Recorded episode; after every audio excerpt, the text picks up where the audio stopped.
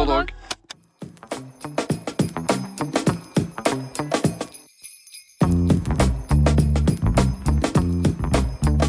Velkommen til Boka er bedre, en podkast om litteraturens velfortjente plass i dagens verden. Jeg heter Andreas Weier Osvold. Overvåkning. Det skjer med deg, det skjer med meg, det skjer jo egentlig med alle som ikke har meldt seg helt ut av samfunnet og flytta ut i skauen, og selv da kan man jo ikke være helt sikker. Etter at sosiale medier ble en såpass fundamental del av samfunnet, så har dette problemet på en måte bare blitt uh, verre og verre og verre. Uh, mange mener at selskapene vi gir fra oss en del sånn data til, de misbruker jo den informasjonen. De bruker den til å selge videre, de overvåker oss, de ser hva vi liker, de ser hva vi ikke liker. De kulminerer en uh, hverdag for oss på mange måter. Og ikke minst så kan det godt hende at de selger denne informasjonen videre til aktører som absolutt ikke har edle hensikter med den i det hele tatt. Ah, hvilken vei bærer dette? Ja, det har forfatter Jennifer Egan undersøkt i sin siste roman Candy House, eller Sukkertøyhuset. Det er Jennifer Egans sjette roman. Og Jennifer Egan vant jo en Pulitzer-pris for en roman en gang, hun. Så hun er jo ingen nobody. Hun vant en for Bølle på døra fra 2010. Og Jennifer Egan er ofte nevnt som en av Amerikas liksom, største og viktigste og mest ambisiøse nålevende forfatterne. Og det er jo kanskje det er fortjent, kanskje ikke. Det skal vi gå litt inn på i dag.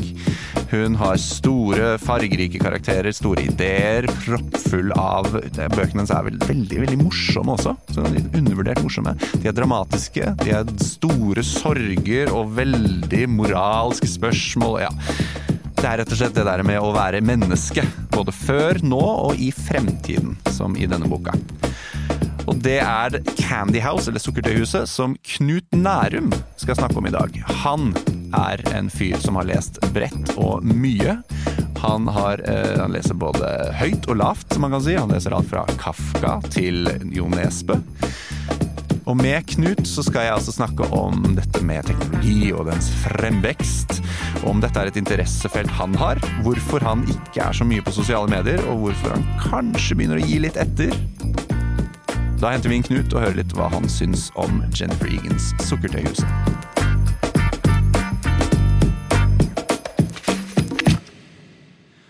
Knut Nærum er en sånn fyr som man kanskje ikke trenger å introdusere så mye. Ikke egentlig, for han har gjort såpass mange forskjellige ting, laget så mye gjennom så mange år at de fleste har jo fått med seg hvem dette, dette er. Og nå ser jeg at han kanskje syns det blir i meste laget å høre, men det er sant. Han er en av våre fremste satirikere. Kjent fra Nytt på Nytt, Hallo i uken, eh, men også fra bøker som Æ, Ø, Å, eh, hvor han harselerer annet med forfattere.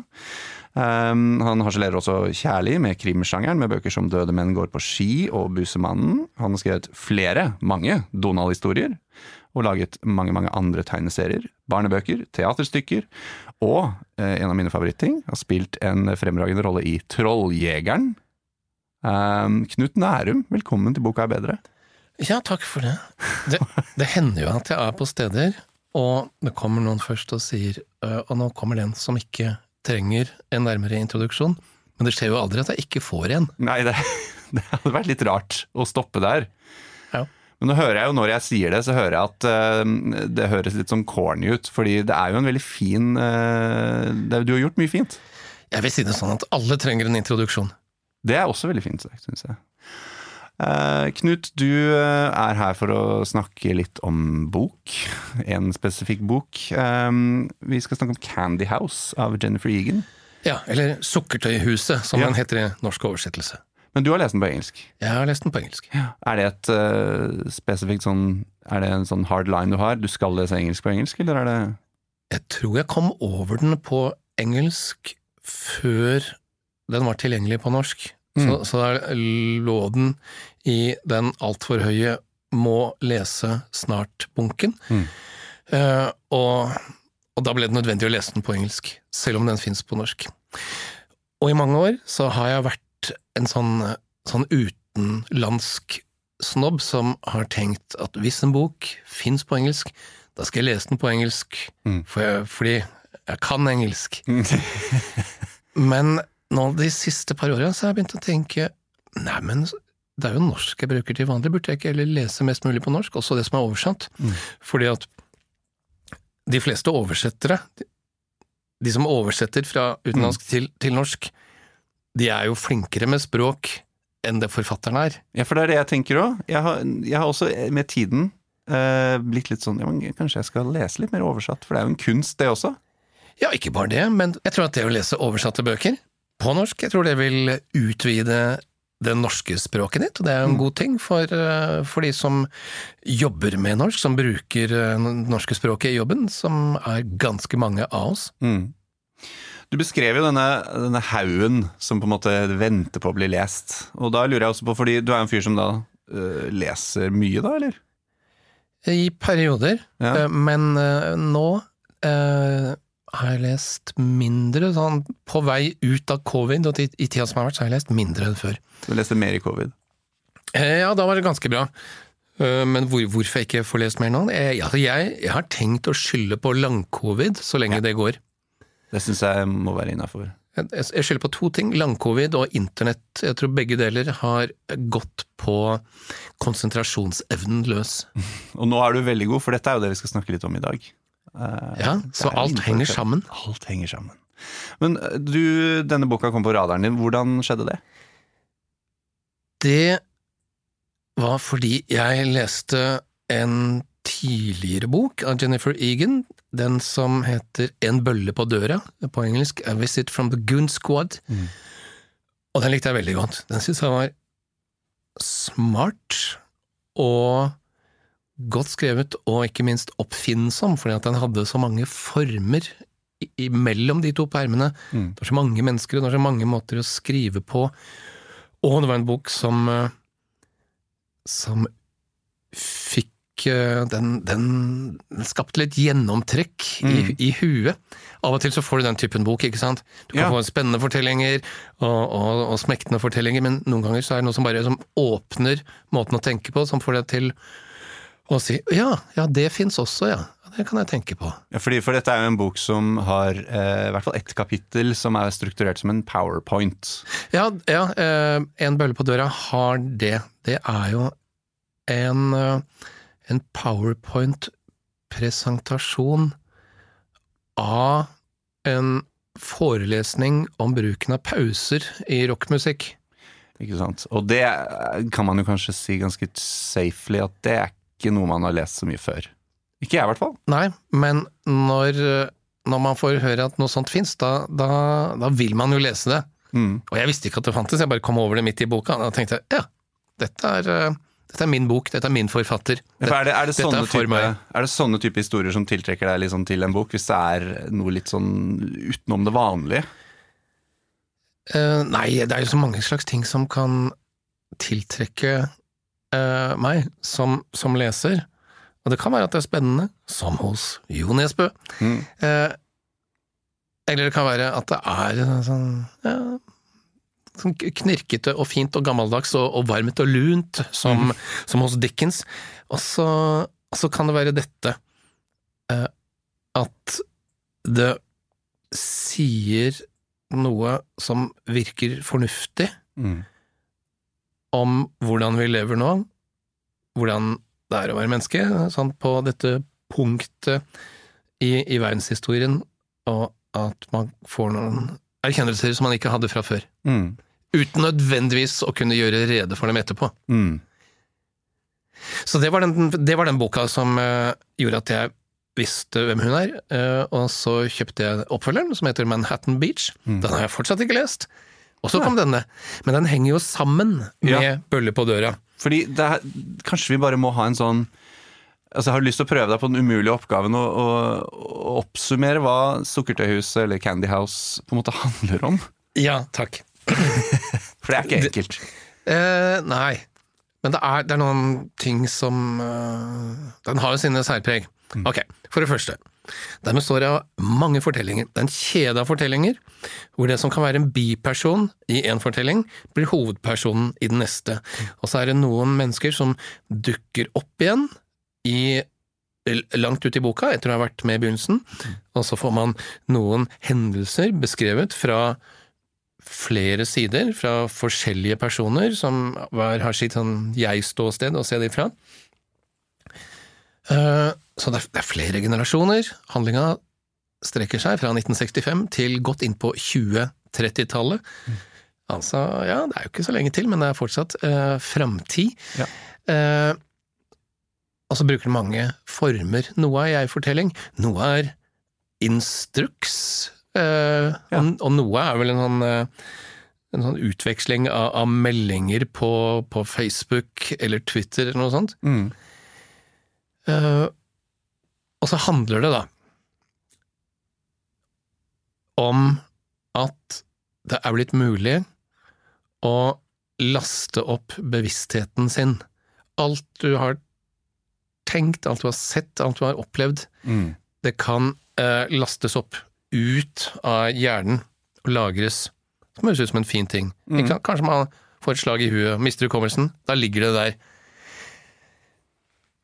Og dette blir mulig fordi en dame som het Miranda, eller Minder, en gang i tida, hun, hun lagde en, en algoritme for å forstå hva det er som gjør, at mennesker liker hverandre og stoler på hverandre. Ja. Det er jo ordet uh, affinity. Affinitet Ja. er vel noe som fins. Affinity. Ja, nemlig. Eh, og så er det en smarting som heter Bix, som er en sånn Elon Musk-aktig tech-gründer, som finner ut at ja, men dette kan han tjene penger på. Mm. Så han, han gjør dette til en svær greie, som da blir en, en ny app som heter Own Your Unconscious, hvor ikke bare kan du laste opp din egen bevissthet, men når du gjør det, så får du også adgang til alle andres bevissthet, alle andre som har gjort det samme. Ja. Og dette tar jo over verden, og det blir det teknologiske bakteppet for alt som skjer i boka. Dette er, dette er bakgrunnen for hvordan an, alle disse personene som man støtter på etter hvert, Mm. lever. Og så tror jeg det kan være lurt å si også at det er jo ikke en bok som forklarer hvordan denne teknologien virker. Nei. Til å være en bok om teknologi, så er den veldig lite teknisk. Mm. Den sier bare at dette, dette fins. Ja, Det nærmeste det kommer, er vel en sånn der forklaring om at han, eh, han En av de første de prøver dette på før dette programmet lanseres da, i boka, så tar det vel 11, De må ligge stille i elleve timer med masse elektroder i hodet, og så skal vi tro på at det lastes opp til en slags eter. Ja, så er det gjort. The Cloud, rett og slett. Mm. Men, og dette er jo ganske høyaktuelt. Vi lever jo i en tid med hvor vi deler minner med hverandre. Vi følger veldig Altså, man deler sitt eget liv eh, hvis man ønsker det. Og da må jeg jo nesten spørre deg, du er jo ikke så veldig mye på sosiale medier selv. Um, Nei, det, jeg har jo valgt å la være. Ja, hvorfor Eh, er det? veld- veldig lenge. Jeg tenkte eh, at dette ville være mer forstyrrende enn nyttig. ja. Jeg så vel for meg at hvis jeg skulle havne på, på Facebook jeg, sa, jeg har jo sagt dette i en avis, at jeg aldri skal på Facebook, og nå er jeg på Facebook, så det, det var jo flaut. Ja, ikke sant. Men uh, uh, Jeg sa det, jeg også. Da Ja. Jeg skulle aldri på Facebook. Så Neida. jeg tror Men så- mange kjenner seg inn i det. Så det jeg veit nå, er at uh, jeg kan ikke stole på meg sjøl. Og hvis jeg avlegger et løfte, så er det ikke noe å bry seg om. Dette har jeg da lært. Men, nå, men nå som jeg er på Facebook, Mm. Så er jeg, jeg er jo ikke ordentlig på Facebook. Jeg, jeg har en side hvor jeg legger ut ting, og så svarer jeg i kommentarfeltet, men jeg, jeg driver jo ikke og følger folk. Nei. Du ser ikke liksom hva en eller annen fjern slektning eh, har skrevet noen konspirasjonsgreier og må forholde deg til det, liksom. Det er ikke der. Nei, jeg får, får ikke de tingene. Jeg får, jeg, får, jeg får postene fra Nasjonalbiblioteket og Cappelens forslag. Ja, men det er jo ikke så gæren feed, det. Nei da, feeden er strålende. Ja. Så, så enn så lenge så har du kontroll på din egen feed. Ja, og det, det jeg har vært redd for, det er jo at jeg skulle for det første mene noe, at altså liksom skal så, Og føle med alle som føler noe, og, og kanskje enda verre, begynne å krangle på sosiale medier. For, da, da tror jeg da, da tror jeg toget er gått. Da tror jeg ikke jeg ville fått gjort noen Ja. av de tingene jeg har lyst til å gjøre. Da vil jeg istedenfor bare havne i en sånn evig runddans av av å forsøke å ha rett. Jeg vet jeg har det i meg, så jeg prøver å holde det på god avstand. Du har en kverulant inni deg, liksom. Ja, Jeg liker å få det siste ordet. Ja, ja. Og det kan man jo på en måte ikke på sosiale medier, for det er alltid noen som kan hoppe inn og ta over stafettpinnen når du blir sliten. Og dette er grunnen til at, man, eh, at jeg ikke skal gjøre det, for det går ikke an å få det siste ordet. Nei. Det er som, det er som TV 2. Siste ord er aldri sagt. Og I denne boka her også er det, det er jo litt sånn interessant, fordi uh, dette own your unconscious uh, det, det blir jo forklart som en god ting og en fryktelig problematisk ting. Og det gode med det er på en måte beskrives et sted tidlig i boka, er jo det at veldig mange drap uh, og veldig mange voldtekter og andre typer kriminelle handlinger som blir oppklart, fordi man kan gå inn og se hvem som på en måte forteller sannheten, eller om en person hvor den personen da var, da, hvis de har minnene sine i denne store eteren. Ja, det er i hvert fall påstanden i boka. Eh, Så er det jo en ting som ikke blir problematisert i, eh, i Sukkertøyhuset, og det er spørsmålet om, om, om eh, subjektiv hukommelse og, og falske minner. Ja. Man tar jo for gitt at, eh, at det ikke er mulig å ljuge for seg sjøl, eller å eh, eller, eller eh, å forandre sine egne minner. Nei? Fordi man ville ha, ha gjort det. Jeg tror jo at det fins uh, en del mennesker som sitter i fengsel, Mm. dømt for forbrytelser, uh, som de sier de ikke har gjort, og som de mener de ikke har gjort, fordi at de ikke kan huske Mm. å ha begått det. Men jeg tror at hjernen er såpass viselig innrettet Mm. at det går an å fortrenge de verste tingene man har gjort. Mm. Hvis, hvis du trenger å fortrenge, så, så kan du gjøre det. Uh, Men hvis man ser bort ifra det, Ja. Da kan, altså det kan være, da kan det være noe greit. ja, Men så, så er jo dette et eh, Så boka kommer jo med det gode forsvaret Ja. for eh, en ganske inngripende teknologi.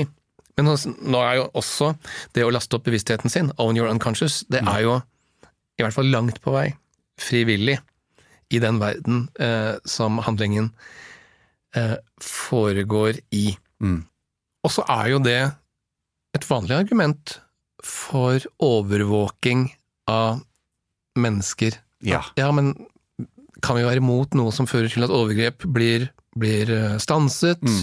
eller forhindret? Altså hvor, hvor mye privatliv eh, er vi villige til å gi, gi fra oss for å, å få stanset eh, fæle ting? Det er litt sånn som de sa etter 9-11, hvor det kom stadig mer inngripende liksom, sikkerhetstiltak, hvor de sa ja ja, men hvis du ikke har noe å skjule, så bør det jo ikke være noe problematisk å bli sjekka en ekstra gang på flyplassen, eller den type greier. Så det, det er jo det som du sier, at det brukes jo, disse argumentene brukes jo ganske overfladisk for å på en måte overbevise folk om at ja, men er ikke dette bra, da? Er ikke dette det vi alltid vil? Fordi i, I boka også så er det noen karakterer som, øh, som aktivt går mot dette her, da. Mm. Og det, er, det kalles evaders, eller eh, eluders, er det. Eluders, Ja. Ja.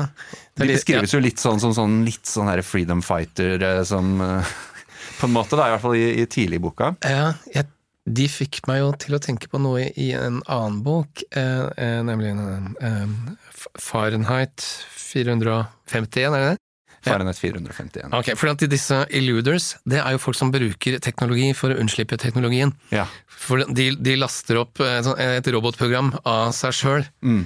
til, eh, til nettet, sånn at de kan stikke av og, og ligge på en strand eller flytte ut i skauen og leve der, Mm. uten at noen vet hva, hva de tenker eller hva de har Mm. tenkt og, og, og følt. Og i Fahrenheit 451 så er det jo blitt forbudt med bøker, men da lærer folk seg bøker utenat, og så drar de ut i skauen og, og, og forteller disse bøkene til hverandre. Sånn at ja, der går stormfulle høyder. Ja, dette, så det er jo åpenbart ikke et nytt tema som Jennifer Egan eh, takler her. Det er jo dette med sånn skepsis til hvor fort en teknologi går, eller hvor eh, det, dette med informasjonskontroll. Ja, ja, det finnes jo en utmerket norsk forfatter som heter eh, Bjørn Vatne, som har skrevet en bok som heter 'Nullingen av Paul Abel', og Ja. der skjer jo akkurat det samme. Og den boka, den kom før Jennifer Egan. Det er sant. Den kom et par tre-fire år før. eh, For det Ja. handler om eh, at eh, der er det miljøkatastrofen som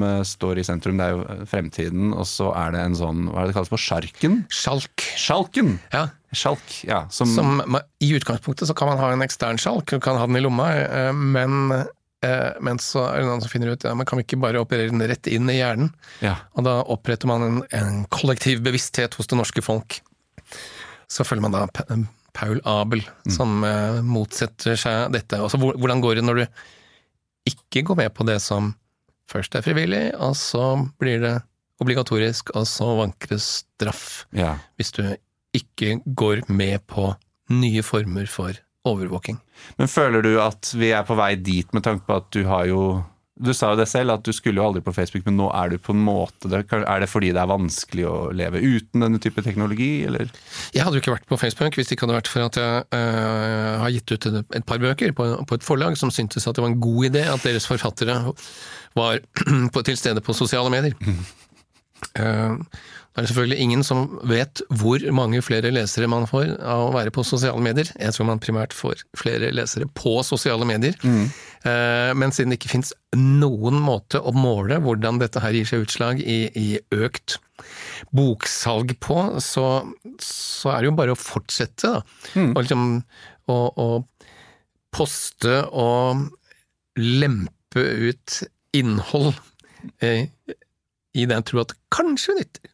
For at ingen vet. Ingen vet noen, Ingen vet. ingen vet noen ting, så derfor fortsetter vi med dette. Og vi har jo altså folk, det er jo årsverk eh, over hele landet som prøver å altså, sånn, altså, en, Hele jobber, hele stillinger som er dedikert til å finne ut hva er det som egentlig fungerer på sosiale medier, når man skal prøve å få stemmen sin hørt. Og, og det er jo ingen som ser ut til å være helt enige, for også endrer jo reglene hele tiden.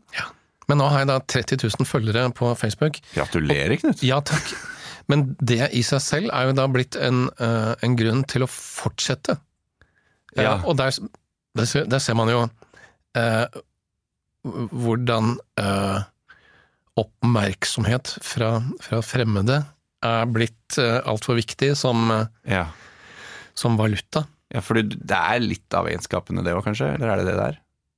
Ja, det er det, og jeg har blitt såpass uh, avstumpa nå at jeg, jeg, jeg tenker på ja, hva kan jeg legge ut som vil få flest likes? Mm. Og jeg vil jo ikke være den personen som tenker sånn, men nå, nå har jeg blitt det. Det virker jo litt eh, uunngåelig på mange måter. Eh, Men det viser jo da hvordan, hvordan et system, hvordan en teknologi, eh, kan forandre måten vi tenker på. Hvis eh, vi var Hvis dette var i vår verden, da, nesten det, disse, denne ubevisste eteren hvor man kan laste opp uh, minnene sine um, Og jeg tror jeg vet hva det, første, altså hva det umiddelbare svaret kommer til å være på spørsmålet her, men jeg vil stille likevel. Ville du valgt å laste opp dine minner? Nei, jeg, jeg ville ikke ha gjort det. Men jeg skulle gjerne forholdt meg til det som jeg forholder meg til Twitter, for der kan man fortsatt gå inn og lese hva folk har skrevet, u uten å, å være registrert bruker sjøl. Det syns jeg er en strålende ordning. Så hvis jeg kunne ha adgang til andres Ja, for det går jo ikke, i denne min, boka min, går jo ikke det. Nei, men hvis det hadde vært mulig, Ja. så hadde jeg vært interessert. Ja. Eller kanskje, kanskje tatt en måneds gratis prøveabonnement. Ja, ja, ja. Men eh, da gir man jo fra seg litt data òg, ikke sant. Så det, er da man, Ja, det er det. Så, så det er litt dette med at ett steg blir til mange, mange, mange, mange steg, og så plutselig er du Ja. Eh, men eh, som du sa i stad, Andreas, eh, det som er Det som er grepet i denne boka, det at andres indre liv blir tilgjengelig mm, for deg, det er en metafor for internett, men det er også en metafor for, for fiksjon, for diktning. For at bøker gjør jo også dette. Bøker gir deg adgang til det som foregår i huet på andre. Mm. Og Jennifer Egan er jo en forfatter som, i hvert fall disse to bøkene, denne og Bølle på døra, bruker veldig mange forskjellige stemmer. Vi går inn i veldig mange forskjellige eh, hoder. Og altså, Hvordan syns du det fungerer i hennes bøker? Det gjør jo at de ikke henger sammen, sånn som vanlige bøker. Mm. Eh, Jeg tror at det finnes et ord for dette her i, i musikken, ikke sant? For du har den typen musikk hvor du har et tema som går hele veien gjennom, og så har du denne typen musikk hvor du har et tema, og så fletter det seg inn i et annet tema som overtar, og så kommer et tredje tema, så kommer det kanskje tilbake til det fjerde. Jeg tror det er sånn Wagner lagde operaene sine med ledemotiver, og det, Mm. det kjennes mer som det, altså som en, som en lenke av handlinger, hvor noen personer går igjen, enn det kjennes som det derre gjennomkomponerte verket hvor alt henger sammen. Det, det, er jo en bok som er preget av innfall, Ja. på, på godt og vondt, men mest godt. Ja, altså, ja, for Er det noe du savner? Savner du liksom å kunne følge én av de? Altså Når du hopper fra én stemme til en annen, da, når et kapittel er ferdig, tenker du noe liksom Som leser så tenkte jeg, da jeg var kommet sånn kanskje 100 sider ute, ja, men hvor, hvor ble det av Bix Bolton? Ja, Er han borte nå? Kom, kommer han ikke tilbake? Denne tech-gründeren. Ja, eh, og han, han, han dukker jo opp sånn langt i bakgrunnen der, men han blir ikke en gjennomgangsfigur. Så det er, det er jo en roman som ikke har noen hovedperson.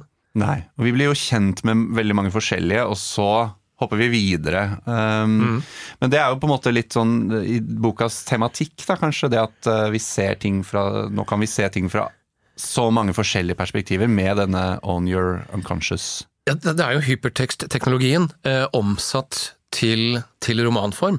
Sant? Du, du finner en lenke i en tekst, og så klikker du på den, og så plutselig er du inne i, noe annet. Det jo, altså, sånn, sånn fungerer Spotify, sånn fungerer Wikipedia. Å, det ser interessant ut, klikk på det, og så er du inne i noe nytt. Så bes- eh, forskyver du deg hele tiden sidelengs, inn i den neste tingen, inn i den neste. Ned i det berømte kaninhullet. Er det um, Jeg tenker litt på Jennifer Egan, er jo en veldig veldig anerkjent uh, amerikansk forfatter. Hun, uh, Bøkene hennes oversettes jo alltid, stort sett, i hvert fall etter Bølle på døra, til norsk. Hun uh, er jo en av disse som kan altså som i, i på en måte konkurranse med kanskje Jonathan Franzen, da, som er, ses på som sånn Hvem er den the great American writer i dag? Syns hun fortjener den aktelsen, eller er det noen som burde fått den i stedet? Jeg har nok ikke god oversikt til å mm, mene noe om det, eller begynne begynne å eh, rangere pallen. Mm. De er jo flinke folk som lager svære og, og, og imponerende greier, begge. Men nå, et, nå som jeg har lest to, to bøker av Jennifer Egan, så, og et par av, Johnson Franson, så vil jeg nå si at hos ham så finnes det en sånn følelsesmessig bånd som gjør at de, de treffer jo på en annen måte enn Jennifer Egan, som nok er mer en sånn uh, idédrevet forfatter. Så hun, hun, hun drives av uh, tanker om, yeah. om uh, forholdet mellom mennesker og, og teknologi. Mm. Sånn at det er, det er skjønnlitteratur, men den er ganske teoretisk Mm. i sin form, mens, mens Johnson Franson forsøker å skrive den store romanen hver gang. Uh, Og han vil at det skal være dypt, det skal, det skal, skal være som et spark i sjela. Mm. Ja, det er en ganske god uh, oppsummering av uh, de to altså Forskjellen mellom på en måte, de to. Og I dag er det jo også veldig sånn eh, populært for altså Det er veldig mange forfattere som skriver veldig sånn mm, om seg selv, og det er liksom fra ett perspektiv, fra jeg-perspektivet, som eh, Så Jennifer Egan gjør jo noe som er litt annerledes eh, ved å på en måte innta så mange forskjellige hoder. Hun er jo ikke redd for å på en måte forsøke seg på andre raser enn hun selv er og sånn. Det det er jo noe som er litt eh, Ikke sånn kjempetypisk, kanskje? Nei, men det er jo noe av det fine som, som, som skjønnlitteraturen kan gjøre. Den kan plassere deg inn i hodet på mennesker som du, som du ikke er. Mennesker som er svært ulike deg selv. Og hvis, du en, hvis, hvis du skriver fiksjon så, så, og vil at det skal være noe mer enn dagbok, så, så må du også beskrive mennesker du ikke er. Finne ut hvordan det er å være dem. Eh, Det, det var Det finnes jo en mulig måte Det finnes en mulig loop her. For når du sier at nei, de skriver ikke om seg selv, sånn som mange kjente norske forfattere yeah. er kjent for i de siste par år, altså Knausgård, Vigdis Hjorth, Ja. eh, Espedal osv. Eh, og så har du Egan og Franson, amerikanerne, som lager den store fortellingen om hvordan vi lever nå, prøver å ta hele samfunnet, i hvert fall mye av det. Eh, men hvis det som skjedde i Sukkertøyhuset ble virkelighet, at man hadde adgang til andre menneskers opplevelser, så ville det kanskje bety slutten for fiksjonen.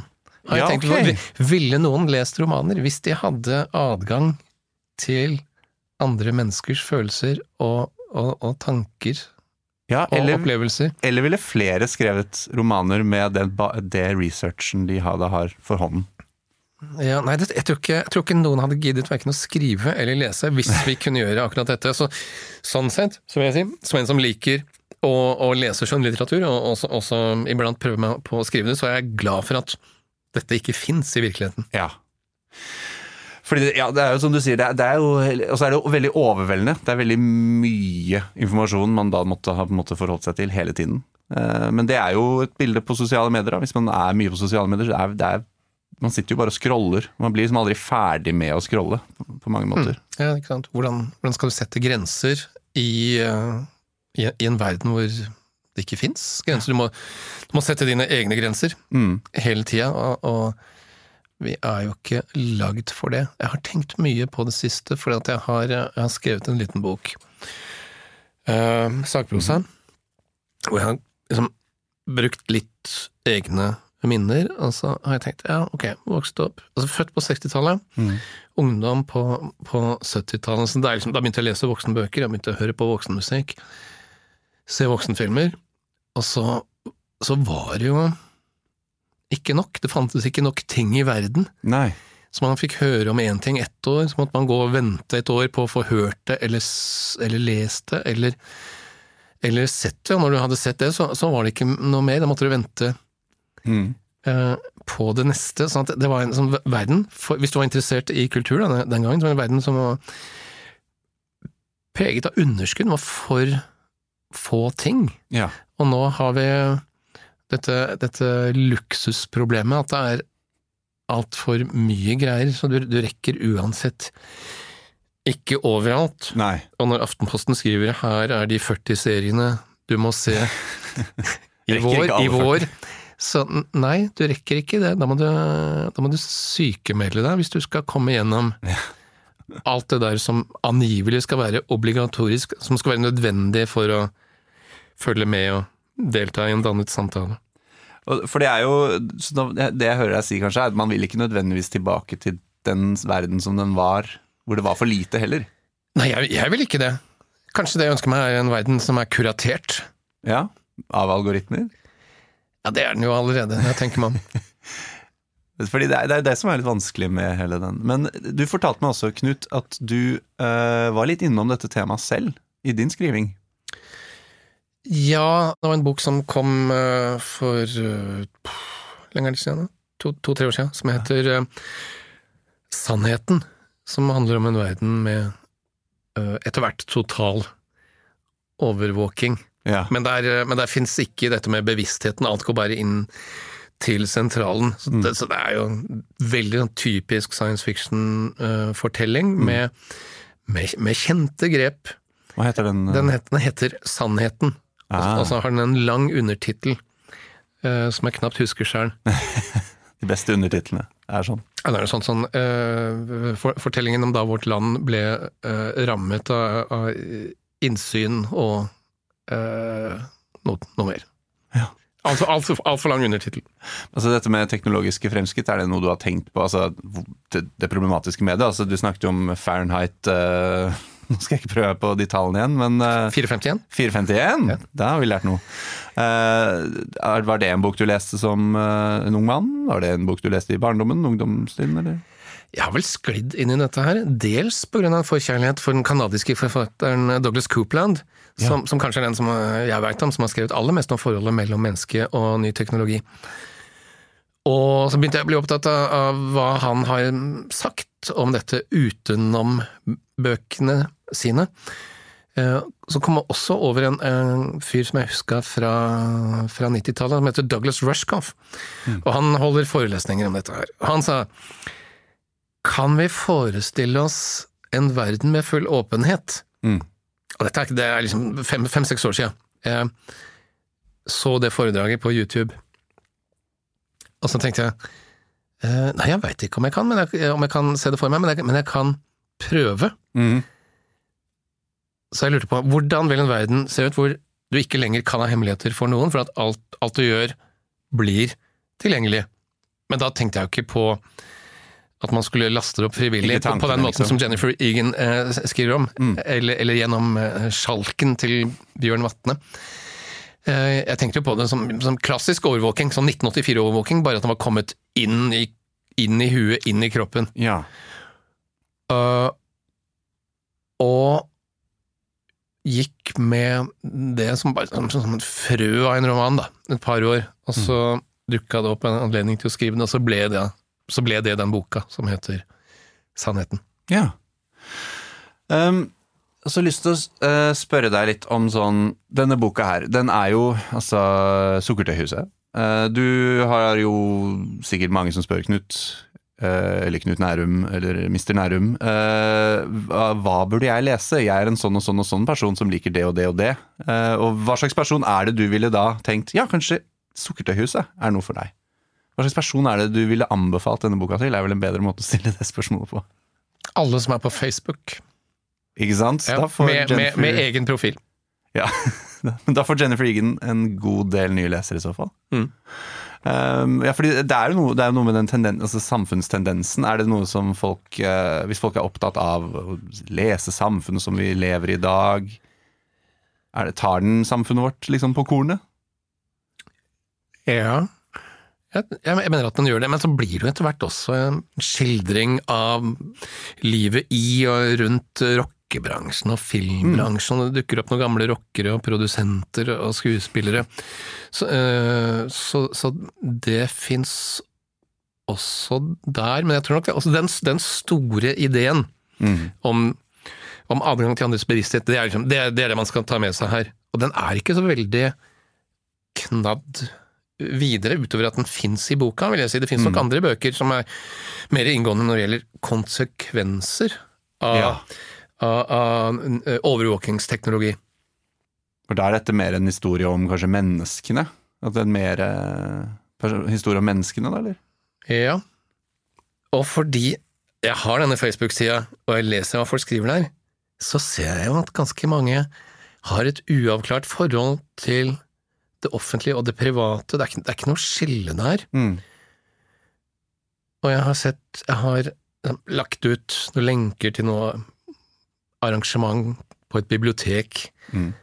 hvor, hvor jeg skal være. Altså. Og så, så er det noen som skriver, Signe dem, ja, kan ikke komme fordi at jeg skal sitte barnevakt den kvelden. Og da tenker jeg, ja, men, ja, men dette er jo fint at man har den fortroligheta Ja, de på sosiale medier. At man bruker det som en sånn én-til-én-kommunikasjon. Ja. Men det, har, det får noen følger, og det kan få noen drastiske følger hvis du ten ikke tenker at dette er et offentlig medium også. Mm. Men fordi vi bruker det så mye, fordi det er blitt en sånn stor del av oss, så, så tror jeg at det er blitt vanskeligere å skille mellom det offentlige og det private. Mm. Og det får jo mange slags uttrykk. Og et av uttrykkene er jo at øh, vi forteller mer om oss sjøl enn, enn det vi gjorde før, og av og til forteller vi kanskje mer om oss sjøl enn det vi hadde tenkt å fortelle. Og noen forteller kanskje mer om seg sjøl enn det som er bra for dem. Ja, det har jo kommet en del, altså Facebook kan helt sikkert bli brukt til en sånn eh, Kunne blitt brukt til en rettssak for sånn vite hvor noen er, eller hvor de sier de er. Og, altså Folk deler jo alt mulig. Ja. Um, Det, det, det, leste du om den der saken i Florida? Hvor Siri hadde blitt kalt inn som vitne? ja, det tror jeg jeg hørte noe om. Hva var dette for noe? Det var vel en mann som var beskyldt for å ha drept sin kone enten med et spyd eller en harpun, men fordi det fantes en, eh, en, en, en eh, enhet i rommet som registrerte all lyd, så ble den henta inn fordi man ville finne ut om, om den hadde vært vitne, om den hadde tatt opp noe som kunne gjengis, og dermed avklare skyldspørsmålet.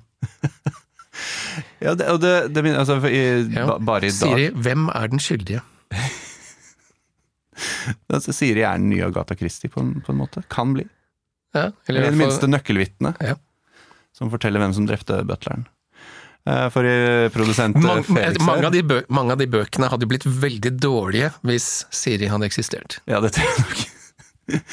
Min eh, kjære produsent Felix her fortalte meg i dag at han satt og snakket med en eh, person i sted, og de snakket om et prosjekt de jobber sammen med, og så plutselig, ble Siri aktivert og sa noe sånt som det høres ut som du, du er veldig nedfor, og du, du, må ringe Anbefalte å ringe nødhjelp. altså sånn, eh, Fordi det hørtes så deprimert ut, måten de snakket på da. Så da hørte den på noen toner. Jeg tror de snakket om Edvard Munch. Og da brøt inn og tenkte å skulle redde noe liv her. Ja. Jeg har også hørt om folk som eh, får henvendelser fra Siri fordi de har sagt jeg, jeg er redd for at det ikke passer så godt den dagen, og så uh, hører de plutselig en stemme som sier jeg er lei meg for at du er redd. altså Jeg har jo opplevd flere ganger som produsent av podkaster at Siri aktiverer seg midt i og svarer på noe som noen av de snakker. Så jeg har ikke noe Siri, men den kunne jo gjort det. Og det skjer oftere og oftere, da. Er det noe du er redd for? Ikke si redd for høyt, for da Siri, klikker Siri. jeg er vel redd for at uh, mennesker skal bli borte. Så jeg, jeg, jeg, jeg foretrekker det skurret og den tregheten som ligger i menneskelige reaksjoner. Mm. Jeg har tenkt på det også nå nylig eh, i forbindelse med eh, ChatGPT og hva det har å si for produksjon av tekst og, og, og, og bilder.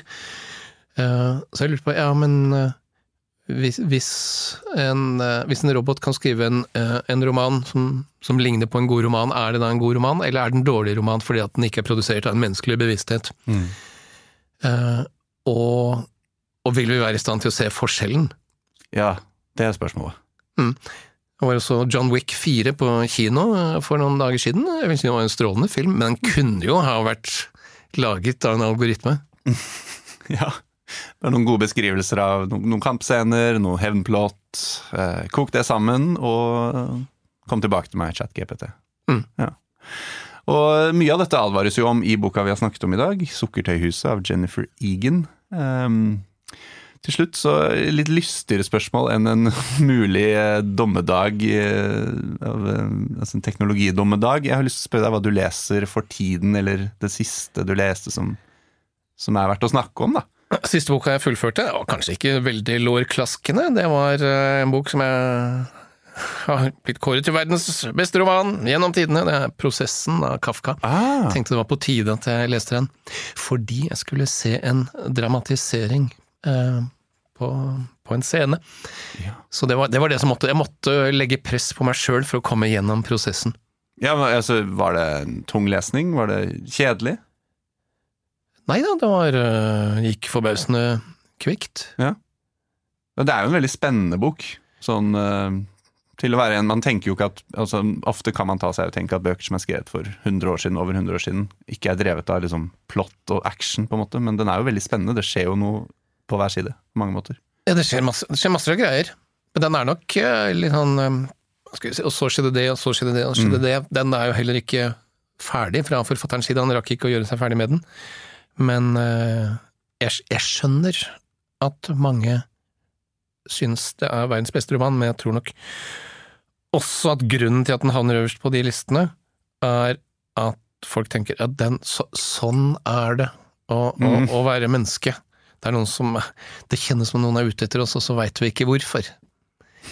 uh, sånn at uh, jeg tror en bok som fungerer bedre for folk som er skeptiske og, og litt, uh, litt ute av seg, i mm. utgangspunktet. Okay. ja, vi, og litt paranoid, kanskje? Redd for at noen skal komme og arrestere deg? Og... Ja, hvis du, er, hvis du, er, glad og fornøyd, så funker den ikke like godt.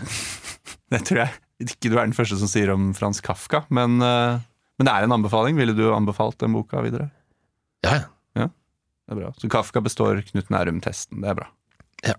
Og nå, jeg, nå jeg, og nå har jeg begynt på den siste Harry Hole-boka. Ja, ja, ja. Ja, For du er, jo, du er jo selvfølgelig er du veldig kriminteressert også, så du har jo et bredt spekter, da. Du leser bredt. Ja, det, det, vil jeg si. Jeg har eh, det som på utenlandsk kalles en katolsk smak. Ok, hva betyr det? Mm. Hva betyr det? Nei, Det betyr visst at man liker litt av hvert. Ja.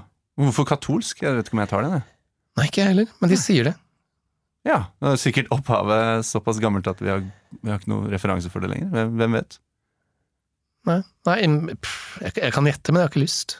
Ja, Hvis du som lytter vet akkurat det, så kan du eh, si fra til Knut eller meg hvis dere skulle se oss på gata, i alle fall.